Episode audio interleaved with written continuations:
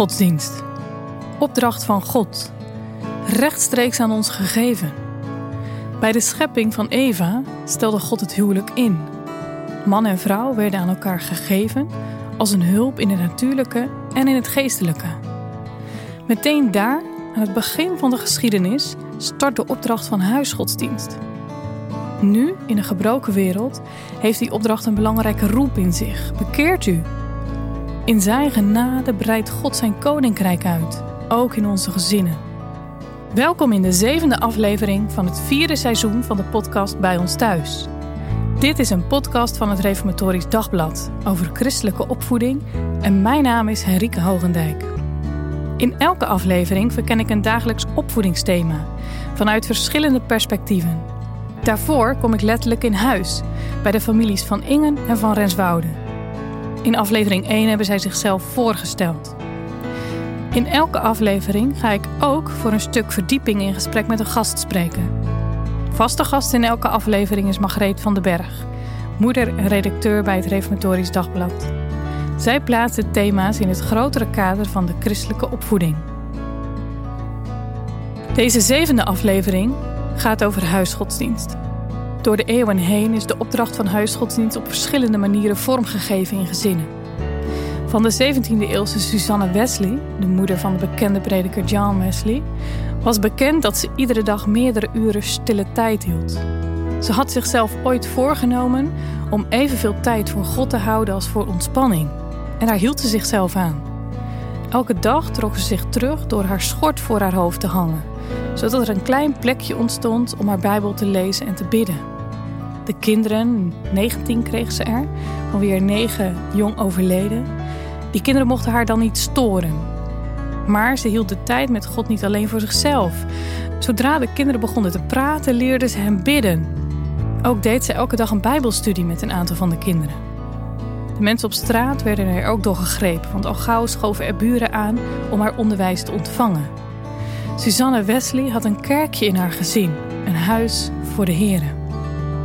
De tijd waarin Susanne Wesley leefde is totaal verschillend van onze tijd. Tegelijkertijd is de opdracht om onze kinderen op te laten groeien in de lering en vermaning des Heren niet veranderd. Daarom ga ik in deze aflevering in gesprek met Elise Pater Maurits, die moeder is en schrijft over huisgodsdienst.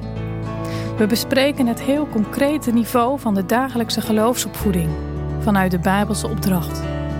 Hoe geef je die opdracht gestalte in een gejaagde tijd als nu? Welke inbreng verwacht je van kinderen in momenten rondom de Bijbel? En hoe sluit je aan op de belevingswereld van pubers en jongvolwassen kinderen? Maar eerst terug naar de familie van Ingen, waar het psalmversje van deze week wordt geoefend.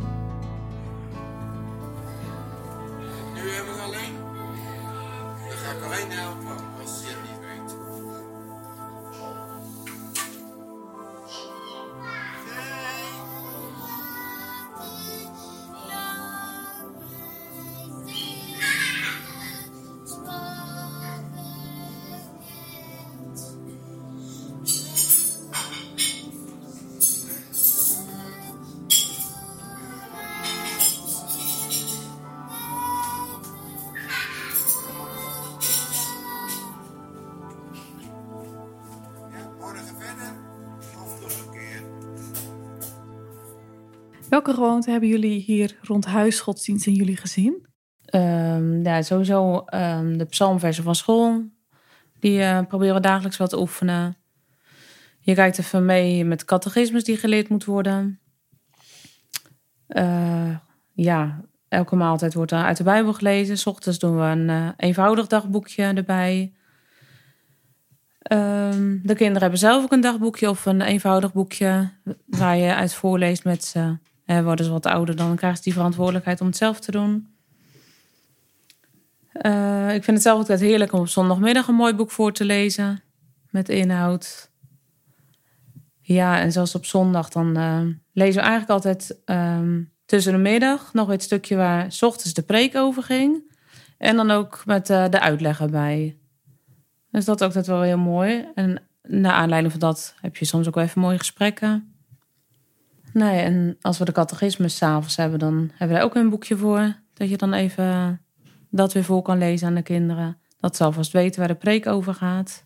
Nu hebben jullie een gezin met allerlei leeftijden. Is het moeilijk om, om dan al die leeftijden bij hetzelfde te betrekken? Op zo'n moment dat je even stilstaat bij de preek bijvoorbeeld, hè? Nou, dat is wel lastig, hè, want in de groep eh, uiten ze zich gewoon minder. Dat is wel zo. Maar toch, ja, probeer je het wel. En in ieder geval ook altijd wel weer eh, ja, uit te dragen. Ik zeg ook altijd vaak aan de jongens, hè, de preek, het gaat over iets, maar het is ook altijd weer praktisch bedoeld voor jezelf persoonlijk. En wat mag je er weer uit leren? Laatst was het ook nog zo mooi dat eh, de dominee zei, je mag er zijn. Ja, en dat ze dat ook weten. Hè, bij ons als ouders. Maar de Heer heeft ze ook gewild dat ze op de aarde zijn. Ja. En dat is ook zo eh, waardevol. Proberen jullie in zo'n ehm, zo'n bespreking ook heel bewust eh, te kijken welke vragen je aan welke kinderen stelt? Ja, je probeert het wel, maar in zo'n groep eh, geven ze niet echt antwoord dan. Nee, dat zijn toch wat lastige dingen. Ja, Dat je het gewoon beter even één op één erover Ja. kan hebben. precies. Ja. Echt vragen stellen we niet. Het is meer eh, bespreken en dan vragen, heb je dat ook gehoord? En eh, ja, dan probeer je er eh, verder over te praten. Maar echt vragen, dat eh, ben ik denk ik gewoon niet zo goed in. Of dat is ook weer wat pubers niet fijn vinden, zo'n gerichte vraag. Ja, dat kan ook, maar dat- ja, nee, dat, ik ben er zelf niet zo goed in om eh, eh, naar aanleiding van een gehoorde preek eh, vragen te maken. Nee. Wat willen jullie heel graag meegeven in de opvoeding aan de kinderen, in de Bijbelse opvoeding? Ja, dat ze de Heer Jezus leren kennen met hun hele hart. En eh, dat ze zich daaraan overgeven. Aan- over mogen geven. En ja, dat mag je in je gebed ook dan altijd wel. eh, en zeker op zondag als je met z'n allen bent. Dat je dat ook... eh, ja, ook het onmisbare werk van de Heilige Geest. En dat ze dat ook... ja, verwacht wel dat ze het allemaal weten. Maar soms weet je niet wat er eh, diep binnenin ze nog een beetje borrelt. En eh, dus ja, dat is eigenlijk wel het belangrijkste Ja. om mijn kinderen te bekeren. Nou kan ik dat niet, maar ja, dat is wel graag wat je wil zien. Ja. Klazina, hoe kun je door de hele dag heen op allerlei momenten de Bijbel ehm, als het ware in de opvoeding weer een beetje open laten gaan? Dat je de kinderen ook leert dat ze alles aan de Heer mogen vragen. Hè, ehm, de oudste moest laatst voor ze eh, een tussentijdse toets voor de autorijles. Ja, dat je ook daarvoor vraagt. Dat je ook echt heel concreet eh, met ze bidt, voor ze bidt. Dat ze ook voelen dat je als ouders voor hen bidt. En dat je het soms ook benoemt. Ja, maar daar hebben we gisteravond ook nog voor gebeden, toen je al op bed lag. Ik denk dat dat ook gewoon eh, wel heel belangrijk is. En voor mezelf, eh, onder mijn werk, eh, zet ik ook gerust nog even de preek van zondag aan. Of een schoonzus stuurt een mooi eh, symposium door. Nou, dat kan je gewoon ook onder je werk doen. Weet je, dan hoef je juist niet per se stil te zitten, maar als zet je je telefoon op luidspreker en nou, dan kun je ondertussen best de badkamer poetsen hoor. Ja, dan richt je je aandacht juist heel bewust. Ja, Ja, en ik zit ook inderdaad nog weer te denken dat je soms ook echt concreet mag bidden om een vrijmoedige en blijmoedige geest. Hè? Dat je ook mag getuigen van wie de Heer is. ja. Zei dat voorbeeld met die eh, telefoongesprek met de directeur, had ik voor gebeden en dat had ik ook verteld aan tafel. En toen zei ik, ja, ik zeg, maar ik heb eigenlijk helemaal vergeten de Heer ervoor te danken. Nou, mam. Ik zei, ja, dat is inderdaad niet goed. Weet je, en ja, dat mag je alsnog dan doen. Maar ook die dingen, dat is ook... eh, En om dat ook open te vertellen, hè? zodat de kinderen er ook van kunnen leren. Ja, dat ze ook ehm, weten dat je gewoon een levende omgang hebt met de Heer. Om Ja. het zo te zeggen. Niet de Heer in bepaalde dingen, maar in alles. Ja, Weet je, voor de toetsen die gemaakt worden, de bewaring over de weg. Dat ze allemaal in gezondheid en veilig weer thuis mogen komen.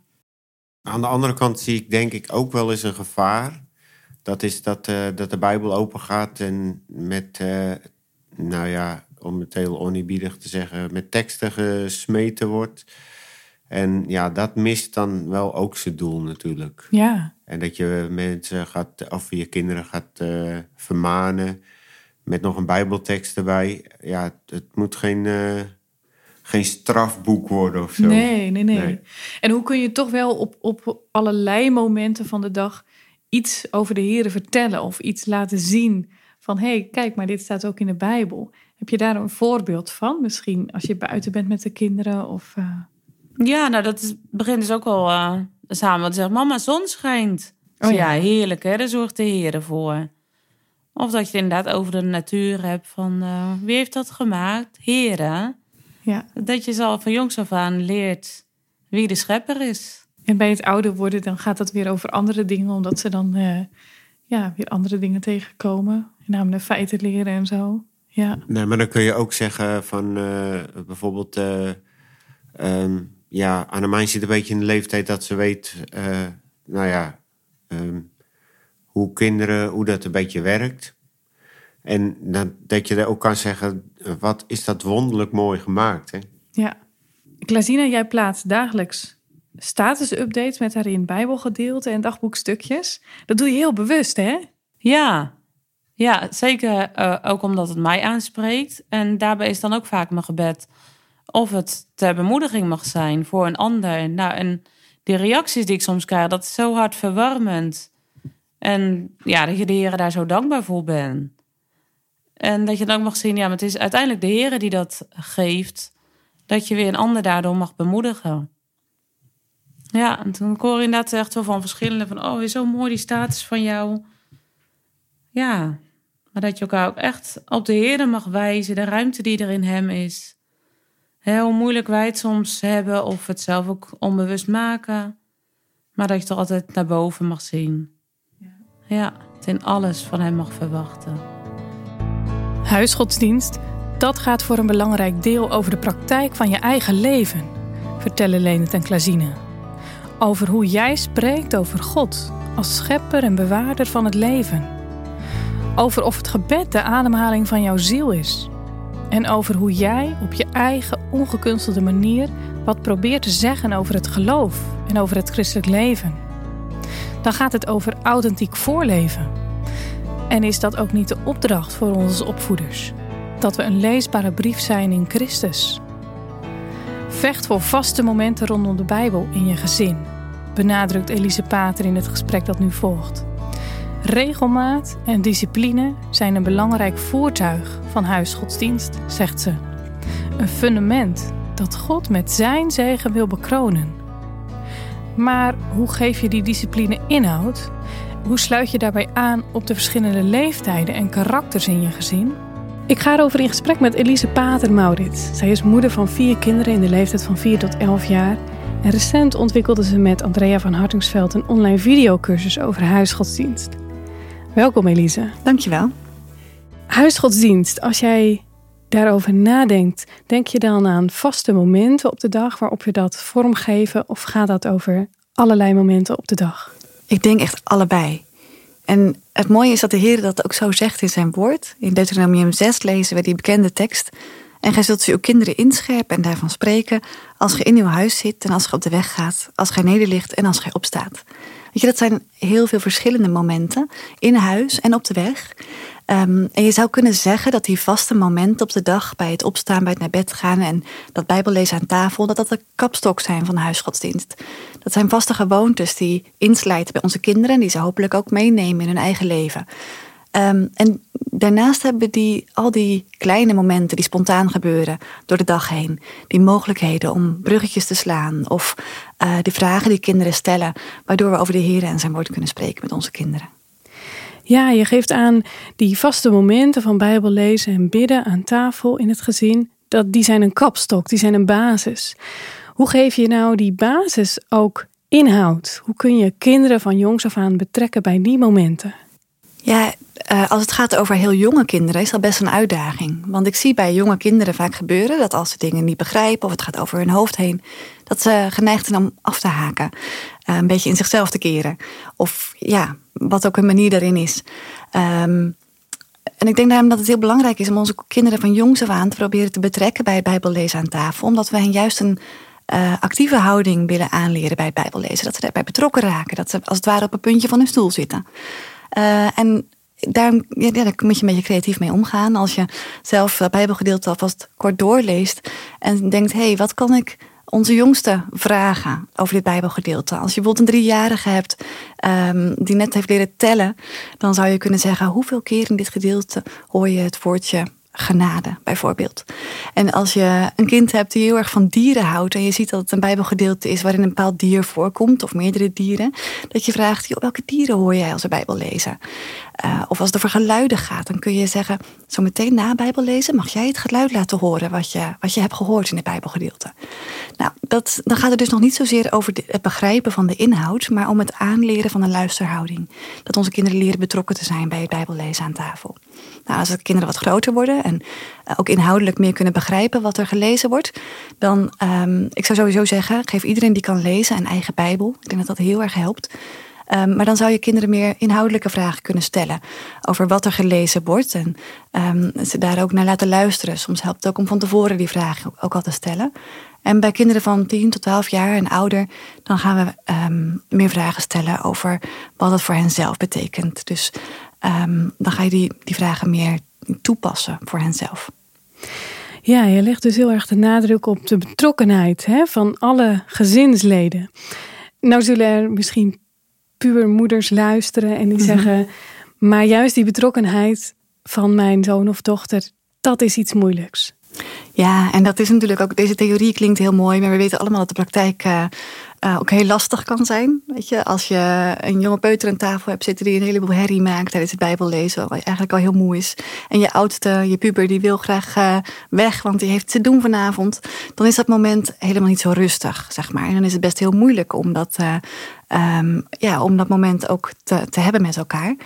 Um, en tegelijkertijd, ja, vecht er wel voor. Ook voor je puber die je eigenlijk niet zo graag meer wil.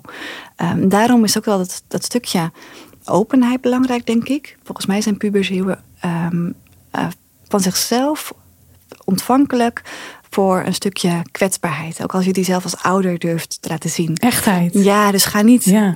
um, ga aan pubers geen lesje, zeg maar geen overhoring doen na het Bijbel lezen. Maar ga met hen in, probeer met hen in gesprek te gaan over ja, wat, er, wat er in die Bijbel staat en wat dat voor hen zelf betekent. En wat voor worstelingen dat voor jou oplevert. Ik denk dat dat, en dat kan misschien niet altijd op dat moment zelf. Um, maar ik denk wel dat, dat daar. Um... Ja, goed dat je dat zegt, ja. Toen jij uh, aan het begin de Bijbeltekst van Deuteronomium 6 oplas, toen viel het me op dat daar eigenlijk heel verschillende manieren van leren worden genoemd. Het gaat over inscherpen, het gaat over spreken met je kinderen. Hoe geef je die verschillende vormen van leren ook inhoud in de huisgodsdienst?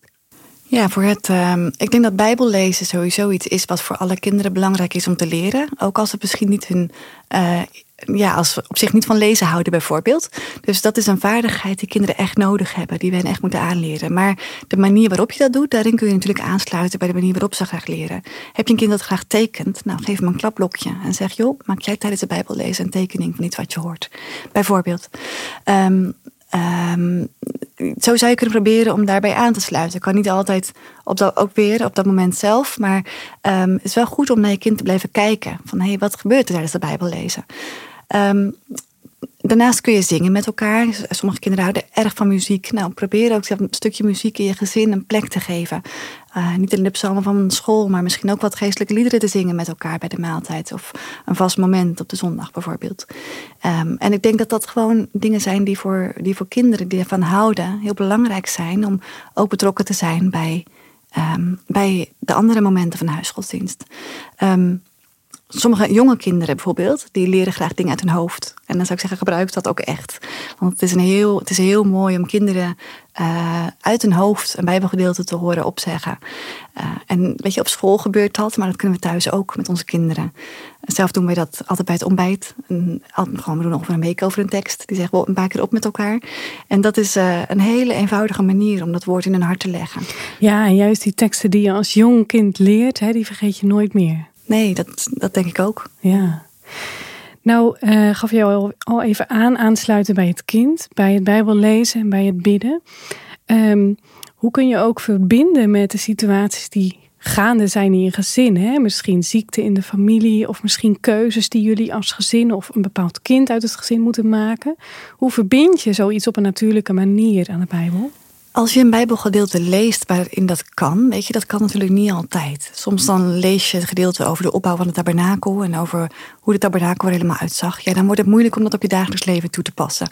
Um, maar er zijn ook heel veel gedeelten in de Bijbel waarin dat veel meer kan.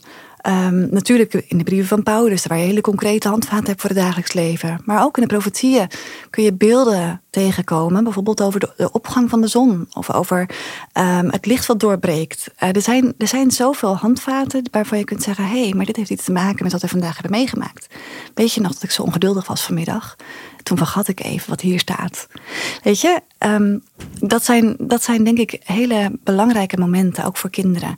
Je mag het op hen, op hun gedrag toepassen, maar zeker ook op jezelf. Ik denk dan ook aan, uh, aan kleine kinderen, die staan nog heel erg onbevangen hè, in de Bijbel en in uh, het, het leren over God en zijn woord.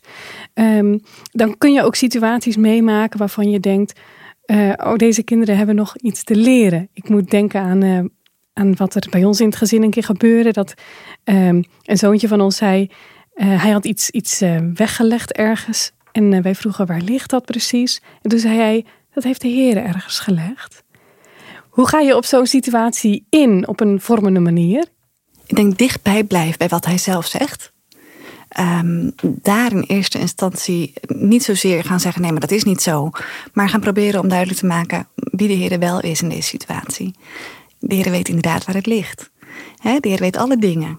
En um, dat, je, dat, je, dat je probeert om dat om te draaien naar en, duidelijk te laten, laten merken um, wie de Heer in deze situatie is. Zeg maar. Ik moet ook denken aan een situatie um, waarin ons dochtertje in een woondecoratiewinkel liep en een houten hart zag hangen. En naar mij toe kwam rennen en zei: Mam, kijk, een nieuw hartje. Ze dacht, ja, daar bidden we zo vaak om. En eh, nu heb ik hem. Uh, nu heb ik hem gevonden. Ja. Dus weet je, dat zijn momenten die je kunt aangrijpen om je kind iets te leren. Want ja, kinderen vullen in met hun fantasie wat ze niet begrijpen. Dat is gewoon natuurlijk. Dat doen kinderen bij alle dingen die ze nog niet begrijpen. Dus dat doen ze ook bij de Bijbelse waarheden. En het is heel goed om dat af en toe ook achter te komen en te ontdekken van hé, hey, oh, dit kind denkt iets wat echt niet klopt. Um, en dat is helemaal niet erg. Maar dat is een moment wat je kunt aangrijpen om dat onderwijs te geven. Ja, dus soms ook checken bij je kind. Even, even controleren van hoe leg jij deze uitspraak nou uit? Precies, ja. En dan, dan moet ik eraan denken dat wij um, in onze geloofsleer best heel veel uitspraken hebben die, die vergelijkend zijn, die een metafoor zijn. En Nieuw Hartje is daar een voorbeeld van, die noemde jij zo even. Um, moeten we dat soort uitspraken dan wel gebruiken richting onze kinderen? Ja, uh, dat kan zeker. En ik denk dat je er ook niet aan ontkomt. Maar we moeten er wel voorzichtig in zijn in hoe we dat doen. En dat we het niet alleen maar op die manier uitdrukken.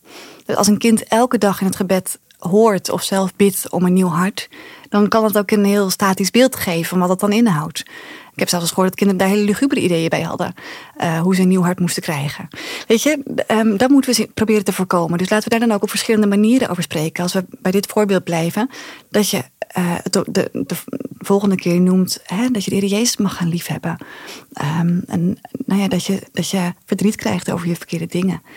Um, dus dat je op een heleboel verschillende manieren taal geeft aan deze Bijbelse waarheden. Je gaf al even aan, je mag de hele dag met je kind spreken over God en zijn woord. Kun je daar nog wat meer voorbeelden van noemen? Van hoe je dat door de dag heen kunt doen? Bijvoorbeeld als um, als het onweer puist, dan kun je spreken met je kind over Gods macht en majesteit. Als je de regenboog ziet, kun je zeggen: Weet je, dat is het teken van Gods trouwen. Noach, weet je nog? Uh, dat kan gewoon als je op de fiets zit. Um, als je eh, hoort over een klasgenootje wat erg ziek is, dat je samen kunt bidden of de Heer eh, dat kind wil genezen. En dat je erover spreekt dat de Heer dat ook echt kan. Dat Hij dat heel vaak heeft laten zien in de Bijbel en in ons leven. Um, dat is wat in Psalm 78 staat, over de grote daden van God vertellen. Maar ook als je een dood vogeltje op straat ziet liggen, waar je kinderen, ja, ach, wat zielig, um, bij staan te kijken. Dat je ook daarbij kunt spreken over Gods oordeel, over de zonde en over hoe dat zo geworden is. Maar ook dat er genade is, omdat de Heer Jezus naar deze aarde is gekomen. Als je de, de bloemen ziet in de lente, dat je, je kunt spreken over Gods scheppingsmacht en dat hij dat elke jaar weer opnieuw geeft. Maar dat het ook iets laat zien van zijn geduld met ons mensen. Dat er opnieuw weer een nieuw seizoen mag zijn, terwijl wij dat niet verdiend hebben. Nou ja, zo kun je elke keer opnieuw op zoveel momenten uh, met je kinderen praten over wie de Heer is. En dat kan ook in opvoedingssituaties. Als je kinderen ruzie maken met elkaar. Hè, dat je, soms doen kinderen dat zelf ook al. Um, we hebben Filippenzen 4 met onze kinderen geleerd. En het gebeurt nog wel eens als er ruzie gemaakt wordt bij ons, dat dan een ander kind zegt: Ik vermaan Euodia en ik vermaan Sintige, dat ze eensgezind zijn. En zo kun je een Bijbeltekst wat geleerd is, zeg maar, kunnen kinderen soms ook zelf toepassen. En dat is heel mooi om dat te gaan zien. Ja, dus de kinderen die, eh, die laten zo'n Bijbeltekst weer horen op het moment dat het heel toepasselijk is. Nou zijn er misschien mensen die zeggen: ja, maar is dat eerbiedig? Want kinderen doen dat op allerlei momenten. Hoe bewaar je die eerbied? Um, ik denk dat het goed is om je te realiseren dat kinderen geen volwassenen zijn. Um, dus kinderen gaan op hun eigen manier met dingen om. Op een andere manier dan dat wij dat zouden doen. Er zijn natuurlijk grenzen in. Als je echt ziet dat kinderen lacherig bezig zijn met de Bijbel, dan denk ik dat je daarin heel duidelijk grenzen mag aangeven. Maar als kinderen bijvoorbeeld integreren in hun spel, dan is dat voor hen een hele natuurlijke manier om dat zich eigen te maken. En daar, ja, dat mag je heel vaak laten gebeuren. Um, dus je mag denk ik op heel veel momenten, um, als je dat ziet gebeuren, gewoon ja, daarin soms wat bijsturen, soms duidelijk grenzen aangeven. Maar heel vaak uh, is dat de manier waarop kinderen met, met, met het woord bezig zijn. En ik zou zelf banger zijn dat um, de Bijbel een heel gesloten boek blijft voor kinderen. Uh, wat, ze, ja, wat ze alleen aan tafel lezen en op school en in de kerk uit horen. Dan dat ik bang zou zijn dat het um, snel oneerbiedig is. Ik zou ja, daar niet zo snel bang voor zijn. Nee, jij geeft aan uh, hè, dat de Bijbel gesloten blijft. Dat, dat is erger voor de opvoeding van een kind. Dat is moeilijker. Um, nou is het zo dat niet iedereen het even makkelijk vindt om de dagelijkse situaties te verbinden aan de Bijbel. Jij noemt een paar heel mooie voorbeelden. Wat kan ouders helpen die het moeilijk vinden om die dagelijkse voorbeelden en die dagelijkse momenten te zien van de verbinding van hier en nu met Gods woord? Ik denk dat het ook een stukje oefening is. Gewoon oplopen met je kind en proberen je ogen open te houden. Je mag het ook in gebed brengen. En de Heer vragen: Heer, wilt u mij vandaag laten zien op welke manier ik uh, uw woord aan onze kinderen, uh, hoe, hoe, ik dat ter sprake kan brengen? Hoe ik dat aan onze kinderen kan meegeven, ook in het dagelijks leven? Um, wilt u mijn ogen daarvoor openen? He, daar mag je concreet voor bidden. Ik denk ook dat de Heer, ik geloof dat de Heer dat dan ook zal doen. Um, het kan ook helpend zijn als je uh, s'morgens zelf alle Bijbelgedeelte leest, wat je s'avonds van plan met een tafel te gaan lezen. Zodat je door de dag heen ook kunt zien als er dingen zijn die daarbij aansluiten. Zodat je dat ook s'avonds kunt gebruiken als je dit aan tafel dat Bijbelgedeelte leest. En daarop terug kunt grijpen. Um, nou ja, dat zijn zomaar wat dingen waarmee je jezelf uh, daarin kunt, uh, kunt oefenen. Dankjewel Elise voor wat je met ons deelde. Als ik het gesprek met Elise terugluister, dan valt het me op dat ze een grote verantwoordelijkheid legt in de taal die wij geven aan geloofsopvoeding. Taal waarin zonde en genade oplichten, taal waarin beeldspraak uitgelegd wordt en vooral ook taal die aansluit bij kinderen en jongeren, want ze zijn nog geen volwassenen, benadrukt Elise. Ze gebruiken het spel om zich elementen van het christelijk geloof eigen te maken. Tegelijkertijd wil je de kinderen wegwijs maken in de Bijbel, hen verbinden aan Gods woorden. Over Bijbellezen met kinderen in verschillende leeftijden ga ik in gesprek met Margreet. Margreet, mag ik jou vragen, wat viel jou op aan het gesprek met Elise? Als ik Elise hoor, dan hoor ik een moeder inderdaad met ook hart voor het gezin, zeg maar. Dat, dat verbindt direct enorm samen. Dan denk ik, oh ja, jij bent daar ook in aan het zoeken en aan het opdiepen. En heerlijk om te zien hoe ze de Bijbel daar uh, continu bij open heeft, zeg maar. Dat verlost je ook van de hype van alle dag. Heerlijk. Laten we teruggaan naar, naar de Bijbel. En we staan natuurlijk in deze tijd. En die heeft zo zijn eigen uitdagingen. Maar ik denk vooral laten we heel goed kijken naar wat de Heere God ons in zijn woord te zeggen heeft. En dat proef ik bij haar uh, boven alles uit. En nou, dat, dat, daarmee helpt zijn moeders denk ik enorm. Ja, juist omdat ze het vanuit de praktijk ook deelt met andere opvoeders. In een eerder gesprek noemde Elise Pater dat je gemiddeld 12.000 keer uit de Bijbel leest met je kind, voordat hij of zij volwassen is. 12.000 keren waarin het woord van God rechtstreeks tot ons komt. Hoe zorg je nou, Margreet, dat het Bijbellezen die geestelijke realiteit houdt en dat het geen lege gewoonte wordt? Ja, dat vind ik zelf een van de grootste uitdagingen. Kijk, wij zitten inderdaad in een prachtige traditie van het woord iedere keer open doen na de maaltijd. Dat vind je in geen andere cultuur zo als bij ons. Tegelijk stelt mij dat iedere keer voor een hele grote uitdaging. Hoe kan ik iedere keer het echt als het woord van God ontvangen? Ik zit niet altijd op die geestelijke hoogte dat ik denk, nu gaat God tegen mij spreken. Maar dan zeg je, zullen we nog even lezen? Want over tien minuten moet ik weg. Dat vind ik echt een hele grote worsteling. Ik denk dat we, uh, dat we er de tijd voor nemen, dat we er de rust voor hebben.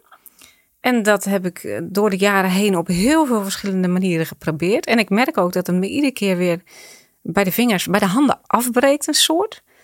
En dat het weer een sleur wordt. Laat ik het maar heel eerlijk zeggen. Daar moet ik zo alert op zijn dat het dan weer heel snel uit die sleur raakt. Want het is God die tot ons spreekt.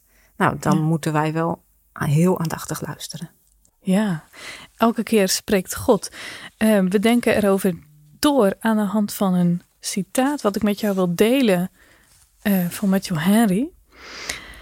Hij schreef een heel mooi boekje, Een Huis voor de Heren, waarin hij ingaat op huisgodsdienst. En daarin zegt hij: Ik smeek u, maak een serieuze zaak van uw huisgodsdienst en geen bijzaak. Laat het uw vreugde en vermaak zijn, geen plicht of geestdodend werk. Plan uw zaken zo dat de meest geschikte tijd, zowel s morgens als s avonds, bestemd zal zijn voor de huisgodsdienst, zodat u daarvoor niet onbekwaam zult zijn of daarin gestoord of beperkt zult worden. Hierin is wijsheid een uitnemende zaak. Doe dit met eerbied, ernst en plechtige rust, zodat allen die zich met u verenigen zullen zien en zeggen dat God met u is, en daardoor met heilige eerbied vervuld zullen worden. Daar komt hij eigenlijk heel mooi in terug. Heilige eerbied. Dit zijn de woorden van Matthew Henry over gezinsmomenten rondom de Bijbel. Hoe kun je in je gezin duidelijk maken op zo'n moment dat God gaat spreken zodra de Bijbel open gaat? Dat hangt heel erg van jou als persoon, denk ik, als opvoeder af. Van ja, is het even tussendoor? Uh, maar het hangt ook van het hele leven af. We moeten het niet aan die momenten ophangen. Want als ik alleen, uh, we zeggen wel eens tegen de kinderen eerbiedig zitten. Als eerbied alleen maar zit in het feit dat ik bijvoorbeeld met mijn armen over elkaar zit bij het Bijbel lezen. Maar ik doe vervolgens niet wat God zegt in zijn woord. Dan ben ik dus wel een hoorder, maar geen dader van het woord.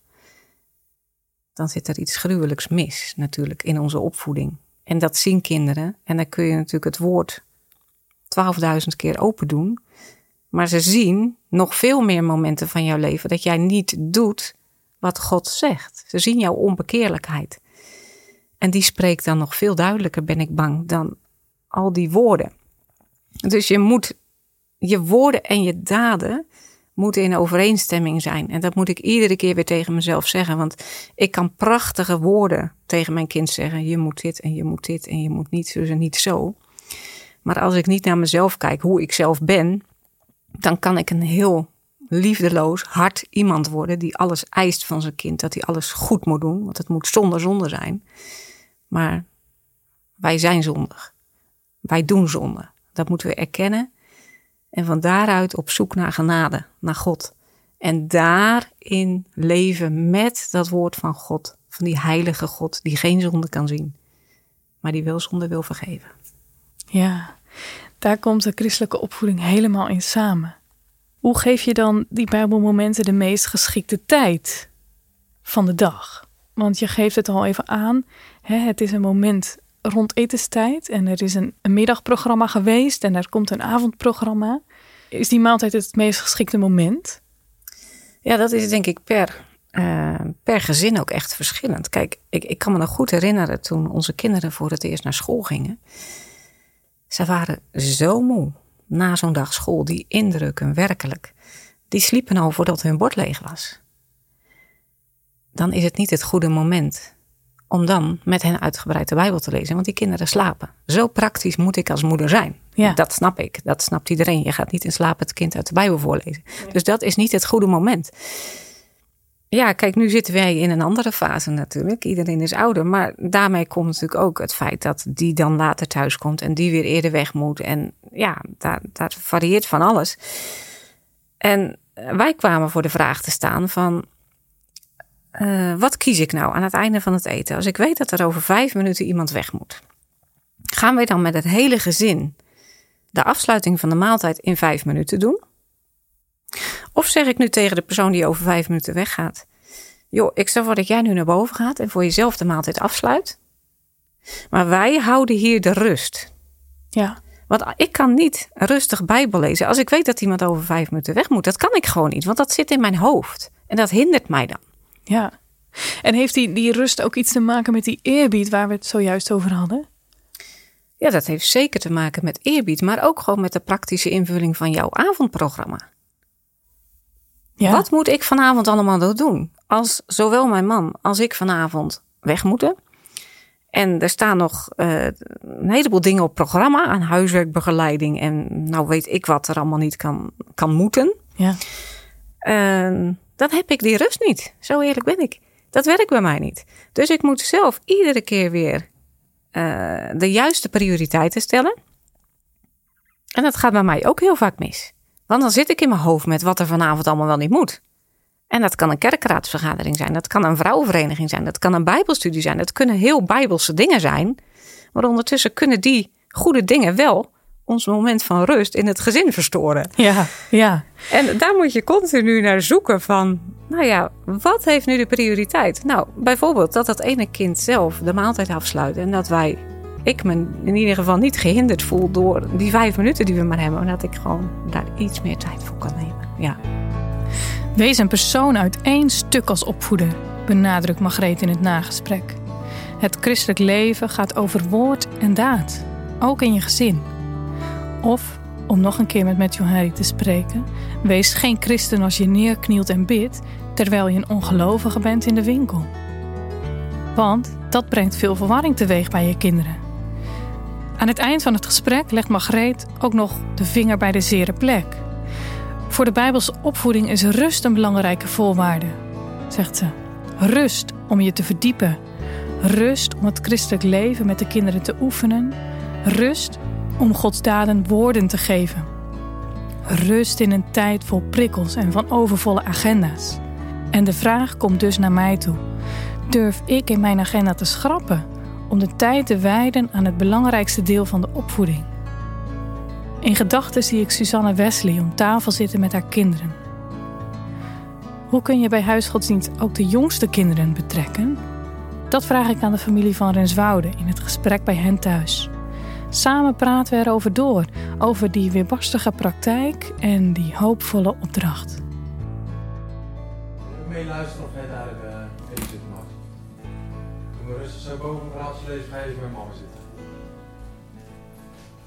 Doe maar even uit. Daar even zitten? Als je hier zit, moet je wel even lekker uit. Ja, ga lekker zitten. Kom maar. Je Ben bent moe? hè? Oh. Hart is moe. Nee, goed zo. Nou, allemaal even stil. Als je een woordje aan het eind doet, mag je het zeggen. Hoeft niet, Mart. Hoeft niet, mag. Hoe kun je met jonge kinderen in je gezin concreet bezig zijn met de Bijbel? we kregen natuurlijk als eerst Mart. Dus ik heel ambitieus. Ik dacht, we gaan Jezaja 53 uit ons hoofd leren. Maar dat, dat, dat, dat werd hem echt niet. Ehm, en ehm, ja, zoiets zou ik bijvoorbeeld nog steeds mooi vinden. Weet je, als dat ze goed echt tekst uit hun hoofd leren. Ehm, Ted pakt dat echt al een stuk beter op. Ik merk echt dat hij heel snel leert. Dus dat hij ook eh, met liedjes heel, dat heel snel onthoudt. Dus uiteindelijk heb ik eh, gebruik, maak eigenlijk heel erg gebruik eh, van de kapstok van, van school. Ehm, als die er niet zou zijn, dan zou je zelf wijzen van zo'n schema, zou ik dan zelf gaan, gaan maken. Maar nu hebben ze al zo'n mooi schema. Wekelijks is er een, een psalm bijvoorbeeld. Mart heeft ook wekelijks een lied of een psalm. Ehm, eh, wat ik daar aan het mooie vind, eh, is dat ze dan natuurlijk eh, elkaars psalm meekrijgen. Dus zelf al leg ik ze op bed, dan oefenen we vaak samen het lied of de psalm. En met in het bij, samen zijn van hun samen. En dan, ja, dan, dan zijn ze ook een beetje op elkaar betrokken. Ja. En, en ongemerkt gaan ze dan toch mee zitten zingen met de ander. Terwijl ze af en toe een beetje rivaliteit hebben van... ja, dat is zijn psalm en dit is mijn lied. Maar dan leren ze toch. En eh, ook met het bidden, zeg maar. Dan, eh, als we dan eh, gaan bidden, dan vraag ik of ze ook zelf nog wat willen zeggen. En dan zeggen ze het een en ander. En soms dan, ja, dat gaat dan echt ook weer op een kinderlijke wijze. Soms dan, dan interpreteert, of dan komt er een, de, zeg maar gewoon in het gebedje van de andere tussendoor. En dan uiteindelijk bidden we ook gewoon nog een, een normaal gebed. Of dat doe ik dan voor hun. Dus een beetje op die manier inderdaad. Gewoon Ja. redelijk laagdrempelig. Omdat ja, je merkt dat, dat, dat ze ook wel... eh, ja, dat is ook gewoon nodig. Anders wordt het ook soms Ja. te moeilijk, merk ik gewoon. Of Ja. zie je aan die gezichten of aan de vragen. Wat helpt om bij het Bijbellezen ook de jonge kinderen te betrekken? Ja, ik heb dat zelf vaak. Dan vraag ik van, ehm, eh, jongens, ik, ik ga lezen uit de Bijbel. Nou, dan hebben we natuurlijk al de keuze uit de kinderbijbel en eh, de keuze uit de normale Bijbel. Ehm, vaak, vaak al lees ik dan bijvoorbeeld de normale Bijbel, dan vraag ik van, kunnen jullie proberen een woord te onthouden? Nou, dat is eh, een van de, die hoor je wel vaker. Maar dat werkt wel erg goed. En soms sta je verbaasd over welk woord ze er dan uitpikken. Dus eh, ja, dat hanteer ik vaak een beetje, dat ze daar eh, natuurlijk, ja, dat ze daar iets over nadenken of heel bewust luisteren. Of ik vraag nog eens een keer wat na, zeg maar. En dan kijken ze een beetje betrapt, al weten ze het niet meer. Of, of al hebben ze inderdaad goed geluisterd. En zo heb je soms een kort gesprek. Ja. En voornamelijk de ochtend en overdag, zeg maar, dat ligt echt voornamelijk toch echt wel in de, de handen van Margriet. En s'avonds dan, eh, ja, dan hebben we dus het Bijbel lezen en het naar bed gaan. Ja. Waarin je dan nog contact hebt en af en toe eh, die dingen bespreekt. Voor mij is het eh, meer ook de kunst om ze gewoon alleen al de basisdingen te leren van bij het Bijbellezen zijn we eerbiedig. Hè, gewoon die, die kleine dingetjes, handen samen, ogen dicht. En ik was eerlijk gezegd, ik ben al blij dat dat nu, dat dat nu lukt, zeg Ja. maar. Dat zijn gewoon van die kleine dingetjes en dan hè, de kinderbijbel één keer per dag, maar ook gewoon de volwassen Bijbel. Die taal moeten ze ook gewoon aanleren.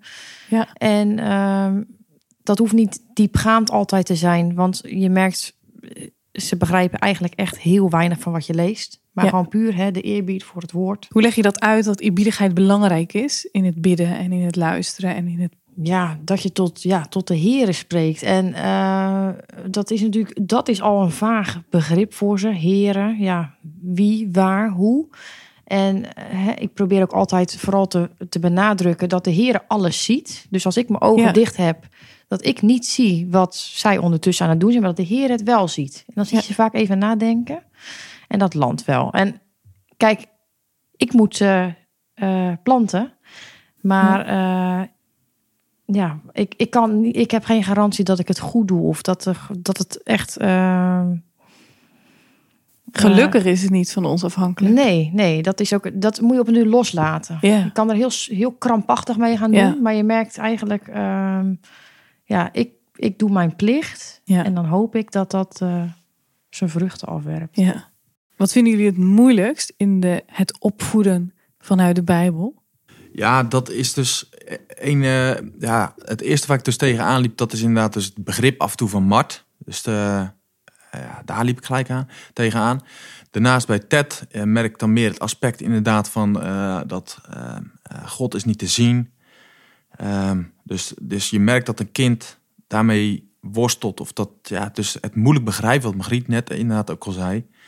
Dus ehm, ja, dat, dat, ja, dat, dat, dat drijft in die zin uit tot gebed inderdaad. Want je ziet van, ik met mijn woorden gaat dit hem niet worden. Soms dan denk je nog wel eens dat je dat eh, misschien een beetje kan of weet ik veel wat. Maar eh, dat is inderdaad echt niet het geval. En ehm, ja, ik, ik, eh, ja, dan zeg je het ook maar gewoon tegen. Net zoals van bij Samuel, van, dat zeg ik dan af en toe, weet je wel. Van ja, spreek heren, want uw knecht horen mag ik u leren kennen. En dat ze dat maar omhoog eh, zenden en dat ze dat zeggen. Van eh, laat me zien wie ik ben, laat me zien wie u bent en laat me zien wie u wilt zijn in de Heer Jezus Christus. En dan zie je ze moeilijk kijken. Tenminste, voornamelijk Ted moeilijk kijken. Maar ja, je hoopt dat ze dat dan toch doen. En je weet ook dat als de Heer het duidelijk maakt, dan is het ook duidelijk. Ja. Zelfs voor een klein kind. Dus, eh, maar menselijke wijze gesproken is dat, ja, vind ik het wel heel moeilijk. Kan je de tekst nog een keer doen? En ziet, ik ben met u alle de dagen dus van het einde in de wereld. Goed zo. Heb je goed geleerd? En waar ging gisteren het Bijbelverhaal over op school? Weet je dat ook nog? Nee, Nee? nee, Over de ark of over de regenboog? nee, ik weet het niet. Adam en Eva? Ik weet het niet. Juffrouw, weet je nog de juf die ging vertellen s'morgens? Welke juffrouw? De Blois? Nee, dat weet ik niet. En welke psalm moet je leren? Zullen we die dan nog even proberen te zingen samen? Ja, Tijg en Ter, toch? ja. Daar een derde jacht ontkomen. Ik wil niet sterker naar genot van de frisse waterstroom. Autistisch spectrumstoornis is bijbellezen en bidden extra moeilijk. Veel voorbeelden uit de Bijbel zijn beeldspraak en er komen ook moeilijke woorden langs. Hoe sluiten jullie bij het bijbellezen en bidden toch zoveel mogelijk aan op wat Mart nodig heeft? Ja, dat is nog zoeken. Maar ik merk aan de andere kant eh, dat autisme eigenlijk... Ik weet niet wat ik tot nu toe moeilijker vind. Het kind met autisme of het kind zonder autisme. Even Fleur niet meegerekend. En waar zit dat in? Nou kijk, Mart kan je bepaalde dingen aanleren. En dan is het bij een autist zo, zo is het, dus zo is het. Ja, heel helder. Dus met eten, we bidden voor het eten, we bidden na het eten. Als bij wijze van Ted het zou vergeten om zonder bidden van tafel te gaan, dan heb je altijd Mart die slaat op alarm. Van, Ja. "Oh, we moeten nog eh, eindigen. Dus Prachtig. je kan, hem, Ja. je kan een mooie gewoonte gewoon echt erin stampen. En Ja. dat klinkt een beetje raar, maar zo is het wel gewoon. Dus en, en hij is in die zin ja, ook een stukje karakter. Hij is heel eh, ja, gewetensvol. Dus Ontvankelijk ervoor Ja, ook misschien. Ja.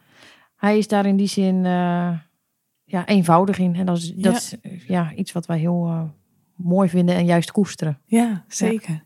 Wat kunnen predikanten en ambtsdragers nog doen om kinderen met een autistisch spectrumstoornis beter bij een dienst te betrekken? Ja, visualiseren. Maar dat is lastig hè, in een preek. Eh, ik denk dat op een zondagschool bijvoorbeeld dat wel beter haalbaar is. Eh, maar ja, dat verschilt ook per leeftijd. Eh Ja. Mart is vijf, hij is klein. Hij heeft gewoon een visuele ondersteuning nodig als hij onderwijs krijgt. Dus ook als hij onderwijs krijgt uit Gods woord. Vanuit ons mensen gezien is de opdracht van de geloofsopvoeding een onmogelijke opdracht. Maar ook door zondige mensen handen heen maakt God kinderen tot zijn kinderen. En daarom blijven we dagelijks oefenen en proberen. Dat is de opvoeding met beide benen op de grond. Natuurlijk is dat geen opvoeding die bestaat uit trucjes met steeds hetzelfde resultaat. Daarvoor is de praktijk te weerbarstig, te gebroken ook. En juist daarom hebben we het nodig om af en toe met een nieuwe blik naar onze eigen opvoeding te kijken.